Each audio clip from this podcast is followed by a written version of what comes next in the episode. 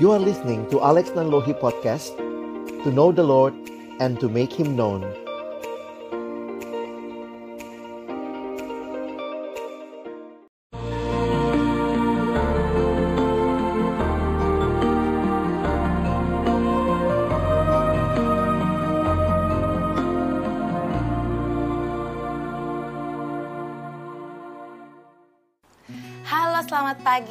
saudara yang terkasih dalam Yesus Kristus. Shalom, apa kabar? Semoga selalu dipenuhi berkat yang melimpah dari Bapa kita di surga. Haleluya. Ya, senang sekali pagi ini saya Francisca Rati dapat menyapa Anda dalam saat teduh. Mari kita awali hari dengan merenungkan sejenak firman Tuhan dan berdoa pada Bapa kita di surga. Dan tentunya saat ini saya sudah ditemani dengan evangelis Bapak Alex Nanlohi. Halo, apa kabar Pak Alex? Halo, baik Siska Shalom. Pak. Shalom Oke Pak, untuk hari ini bahan apa yang menjadi perenungan kita Pak? Iya, kita akan membahas tentang manusia di dalam dosa dan kita akan melihat sama-sama di dalam kitab Kejadian pasal yang ketiga, Oke. ayat yang pertama sampai dengan ayatnya yang ketujuh. Boleh dijelaskan bagaimana firman Tuhan? Oke. Kita akan melihat bersama-sama, saya akan bacakan Kejadian pasal 3 ayat 1 sampai dengan ayat yang ketujuh. Adapun ular ialah yang paling cerdik dari segala binatang di darat yang dijadikan oleh Tuhan Allah. Ular itu berkata kepada perempuan itu, Tentulah Allah berfirman, semua pohon dalam taman ini jangan kamu makan buahnya bukan? Lalu sahut perempuan itu kepada ular itu, Buah pohon-pohonan dalam taman ini boleh kami makan. Tetapi tentang buah pohon yang ada di tengah-tengah taman, Allah berfirman, Jangan kamu makan ataupun raba buah itu, nanti kamu mati. Tetapi ular itu berkata kepada perempuan itu, Sekali-kali kamu tidak akan mati. Tetapi Allah mengetahui bahwa pada waktu kamu memakannya, matamu akan terbuka, dan kamu akan menjadi seperti Allah, tahu tentang yang baik dan yang jahat. Perempuan itu melihat bahwa buah pohon itu baik untuk dimakan dan sedap kelihatannya. Lagi pula pohon itu menarik hati karena memberi pengertian. Lalu ia mengambil dari buahnya dan dimakannya dan diberikannya juga kepada suaminya yang bersama-sama dengan dia dan suaminya pun memakannya. Maka terbukalah mata mereka berdua, dan mereka tahu bahwa mereka telanjang. Lalu mereka menyemat daun pohon ara dan membuat cawat. Dalam bagian firman Tuhan ini, hal yang menarik untuk kita perhatikan adalah bagaimana manusia di dalam dosa. Dan pada waktu kita melihat kitab kejadian pasal yang ketiga ini, kita menemukan gambaran dari pemberontakan manusia kepada Allah. Di dalam bagian ini, kalau kita perhatikan bagaimana sukacita kehidupan di Taman Eden yang Tuhan berikan, itu dirusak oleh ketidakpatuhan manusia. Nah, ada tiga hal yang saya ingin tekankan pada pagi hari ini. Yang pertama, bahwa dosa adalah manusia mengingkari kebenaran Allah. Yang kedua, dosa adalah manusia mengingkari kebaikan Allah. Dan yang ketiga, dosa juga adalah manusia mengingkari keberbedaan Allah. Dan hal yang menarik yang kita perhatikan dalam ayat yang kita baca tadi. Ular menyatakan, si iblis menyatakan kepada manusia, tentulah Allah berfirman. Dia mengutip firman Tuhan. Iya. Tetapi dia mengutipnya dengan memutarbalikkannya. Sehingga di dalam bagian ini manusia diperhadapkan dengan percaya kepada siapa? Allah yang benar atau iblis yang benar? Dan sayangnya manusia mengatakan iblis yang benar. Manusia mengingkari kebenaran Allah. Yang kedua yang kita perhatikan, Allah menyatakan semua pohon dalam taman ini boleh kamu makan buahnya. Tapi terjadi kalimat iblis mengatakan, tentulah Allah berfirman, semua jangan dimakan. Nah, sehingga di dalam bagian ini iblis mencoba menggunakan kebaikan Allah untuk dipertanyakan. Betulkah Allah berfirman demikian? Kan Allah berfirman tidak boleh makan semuanya. Tapi ternyata kalimat ini diputar balikkan. Allah berkata semua boleh dimakan, satu yang jangan. Dan itulah yang justru dipilih manusia. Manusia meragukan kebaikan Allah yang sudah memberikan segalanya. Ada satu kalimat yang saya ingin kita renungkan juga pagi ini. Iblis membuat hal yang melimpah, hal yang berlimpah terasa tidak memuaskan. Dan sebaliknya hal-hal yang dilarang menjadi nampak menarik. Dan yang ketiga, dosa bicara mengingkari keberbedaan Allah. Allah adalah Allah, dia bukan manusia. Allah pencipta manusia kita cuma ciptaan. Dan kalimat yang dikatakan dalam kejadian tiga, iblis mengingatkan, kalau kamu makan buah pohon itu, kamu akan seperti Allah. Dan ini yang kita lihat, manusia ingin menjadi sama seperti Allah. Mereka tidak mau dibawa kontrol Allah. Nah inilah realita dari hidup manusia di dalam dosa.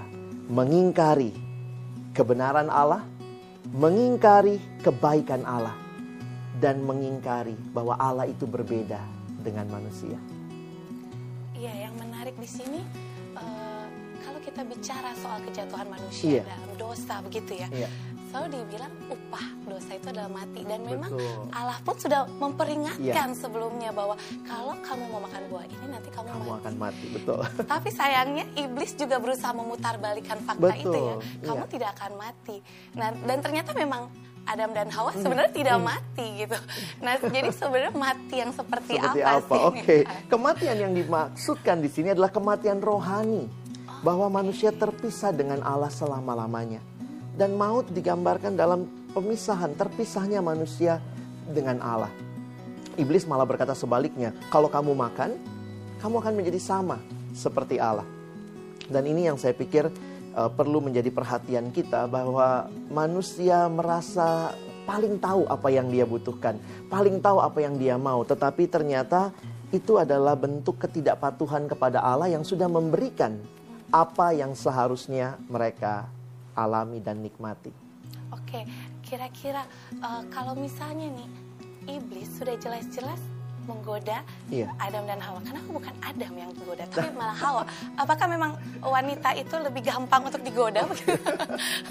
Kalau kita lihat sih realitanya ya jelas bahwa iblis adalah bapa segala pendusta. Hmm. Jadi dia memang menggoda manusia dan nama dalam cerita ini kita tidak diberikan keterangan lebih lanjut dalam Alkitab tetapi ada Hawa pada waktu itu. Ada yang berkata bahwa mungkin karena Hawa tidak menerima perintah langsung dari Allah tetapi perintah itu diberikan kepada Adam dalam kejadian pasal yang kedua. Tapi sebuah realita bahwa ternyata baik Adam maupun Hawa, karena ada akhirnya Adam ikut makan juga, iya. gitu ya, sama-sama berarti ya, sama-sama ingin merasa dirinya saya lebih dari Allah dan ingin menjadi seperti Allah. Oke Pak, ini menarik sekali ya. Iya. Bagaimana sih manusia itu bisa jatuh dalam dosa itu. Iya. Tapi kita akan melanjutkan setelah yang satu ini. Pemirsa jangan ke mana-mana, tetap di saat teduh dan jalani hari bersama Yesus. You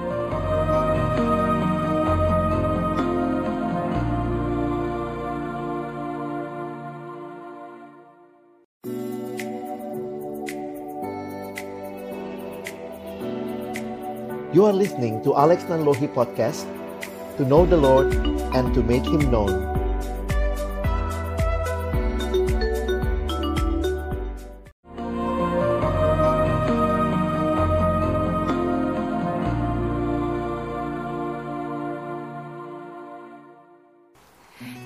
lagi di saat teduh bersama saya Francisca Rati dan tentunya Bapak Alex Nanlohi.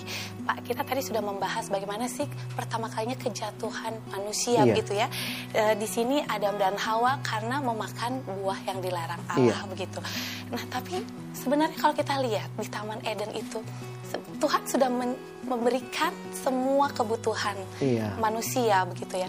Tapi tetap saja ternyata Adam dan Hawa harus jatuh ke dalam godaan iblis itu kenapa ya? Ya, saya melihat bahwa di sinilah letak uniknya Allah yang mencipta dan Allah yang memberikan kebebasan kepada ciptaannya. Hmm. Dan ketika Allah memberikan pilihan itu untuk mereka taat atau tidak taat dengan alat ujinya pohon itu, mereka memilih justru untuk tidak taat. Sehingga kalau kita perhatikan bahwa ini adalah satu pilihan yang menyatakan bahwa manusia sebenarnya tidak mau di bawah otoritas Allah, bahkan sebenarnya manusia ingin untuk menjadi Allah. Oh gitu, jadi mm -mm. Uh, itu juga biasanya kita menghadapi itu ya di iya. kehidupan iya. kita sehari-hari. Sehari-hari ya. ya itu natur kita yang sudah jatuh di dalam dosa selalu ingin merasa diri cukup dengan diri kita dan tidak merasa membutuhkan Allah. Dan saya pikir ini satu realita yang harusnya kita sebagai orang percaya kembali kepada Tuhan benar-benar mengalami hidup yang dipimpin, dikontrol oleh Tuhan. Jadi bisa dikatakan sebenarnya kondisi ini kita mengingkari kebaikan Allah. iya, bisa seperti itu. Karena realitanya dalam hidup sehari-hari. Saya suka coba dengan ilustrasi aja yang sederhana.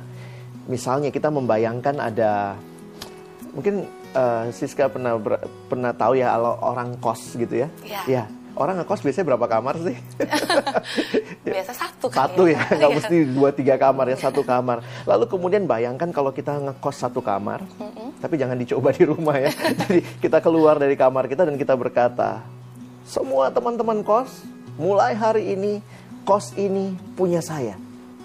Misalnya kita berkata oh. begitu, mungkin orang akan mulai berpikir, wah ada yang nggak beres dengan pikiran orang ini gitu ya. Yeah. Mungkin ibu kosnya datang, Lalu kita mungkin lihat ibu kos datang. Wah, tante pemilik kos. Mulai hari ini kos ini punya saya. Dan tante keluar dari sini. Saya pikir ini ilustrasi yang tidak masuk akal. Hmm. Orang ngekos itu bukan punya dia. Apalagi mengusir pemilik kosannya keluar dari situ. Hmm. Tapi dalam realitas sehari-hari inilah yang manusia sering lakukan. Manusia berkata, saya tidak butuh Allah.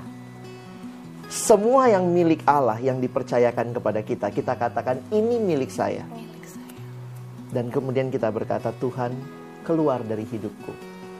Dan ini satu hal yang saya pikir harusnya kita kembali refleksikan dalam diri kita. Seperti yang Siska katakan tadi, ini realita yang kita juga sering kali berkata, saya tidak membutuhkan Allah. Ya mungkin itu yang saya coba ilustrasikan untuk menolong kita melihat betapa seringnya kita mengingkari Allah yang baik, Allah yang benar dengan menjadikan diri kita sebagai Allah.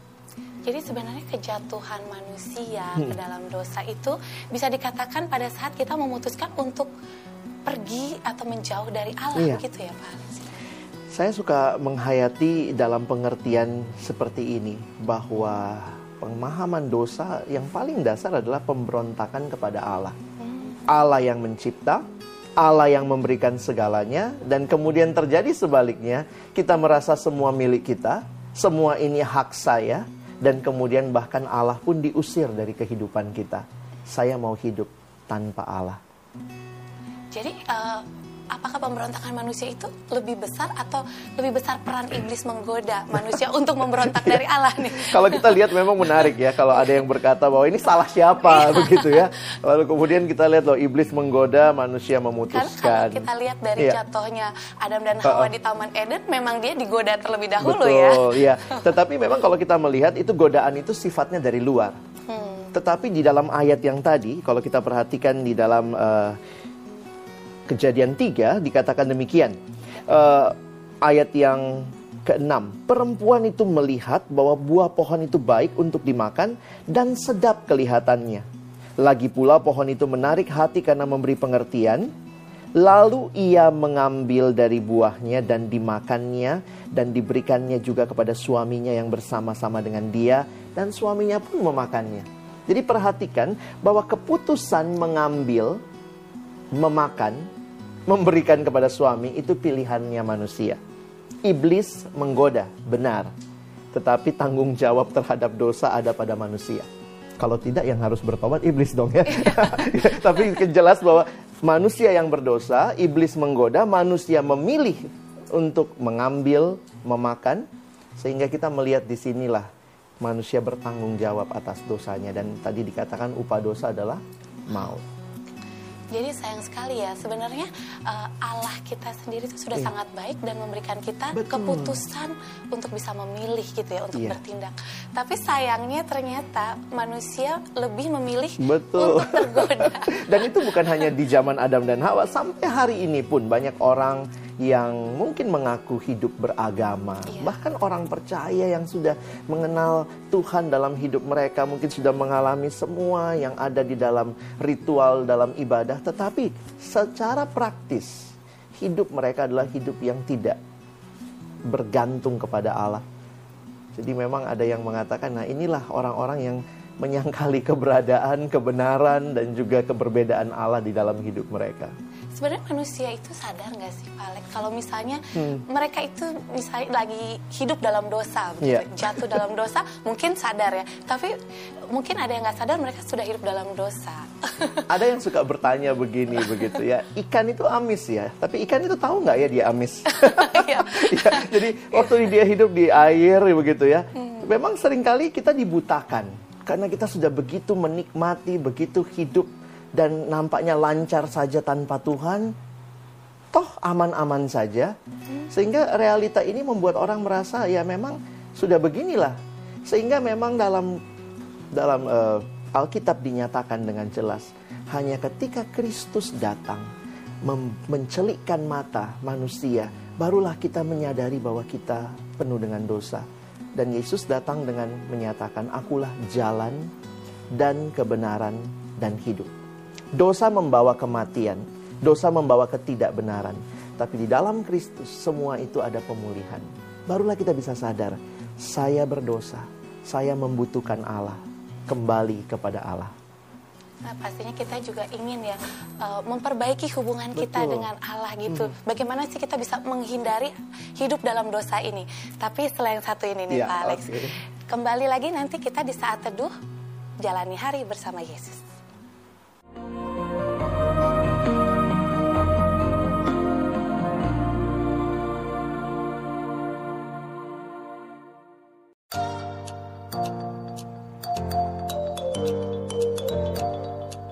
You are listening to Alex Nanlohi Podcast To know the Lord and to make Him known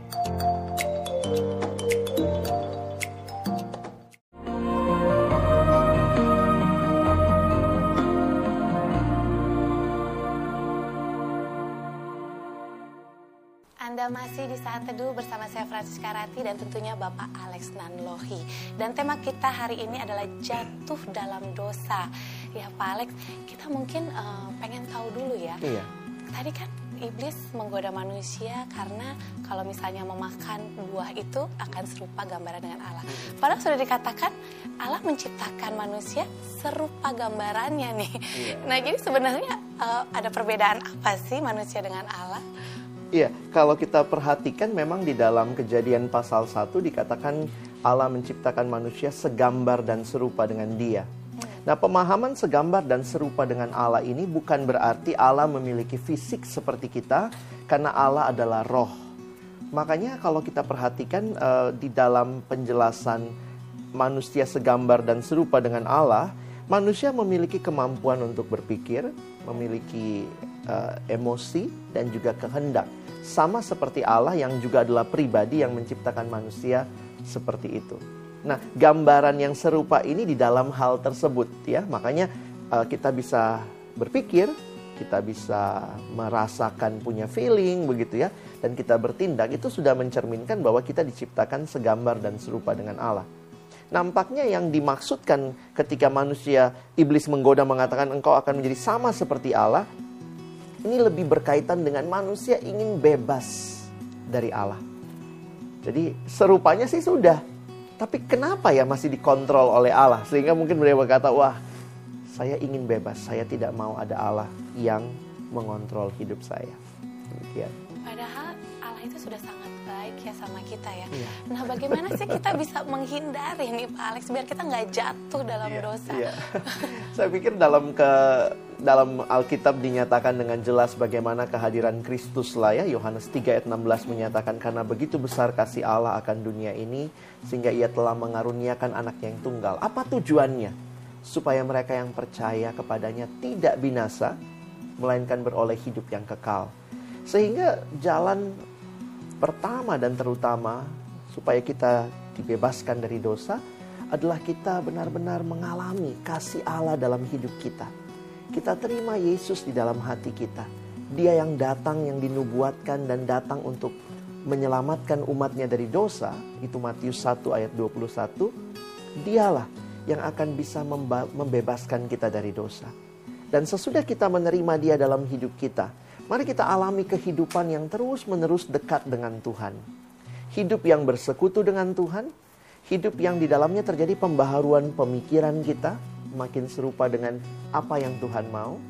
Dalam emosi kita makin serupa dengan apa yang Tuhan lakukan. Dan juga dalam kehidupan sehari-hari. Kita makin menyatakan Yesus yang sudah hidup di dalam diri kita. Nah ini menjadi cara yang bukan otomatis kita akan bebas dari dosa. Tetapi ini cara di mana kita akan bisa mengalami hidup yang berkemenangan hari lepas hari. Ada satu pengalaman yang saya pernah uh, sharingkan juga waktu saya bertemu dengan seorang adik yang saya bimbing. Pagi-pagi dia datang waktu itu lalu dia cerita sama saya. Hmm.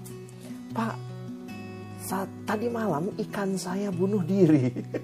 Bunuh diri. Katanya begitu ya dalam bahasa yang bercanda. Saya bilang mengapa dia memelihara ikan mas di sebuah akuarium dan di kosan dia. Lalu kemudian pagi hari dia sudah menemukan dua ekor ikan sudah tak bernyawa terkapar. Jadi dalam diskusi kami membahas tentang uh, bunuh dirinya dua ekor ikan itu, kami melihat bahwa iya ya, ikan itu paling membutuhkan air. Air mungkin begitu sempit dalam sebuah akuarium, tapi kebebasan yang sejati ketika ikan itu ada di dalam air. Bukan waktu ada di luar air. Kebebasan yang sejati bukan waktu kita bisa melakukan apa saja di luar Allah, tetapi ketika kita bisa taat dan melakukan apa yang Allah mau. Itulah kebebasan yang sejati yang Tuhan berikan kepada manusia.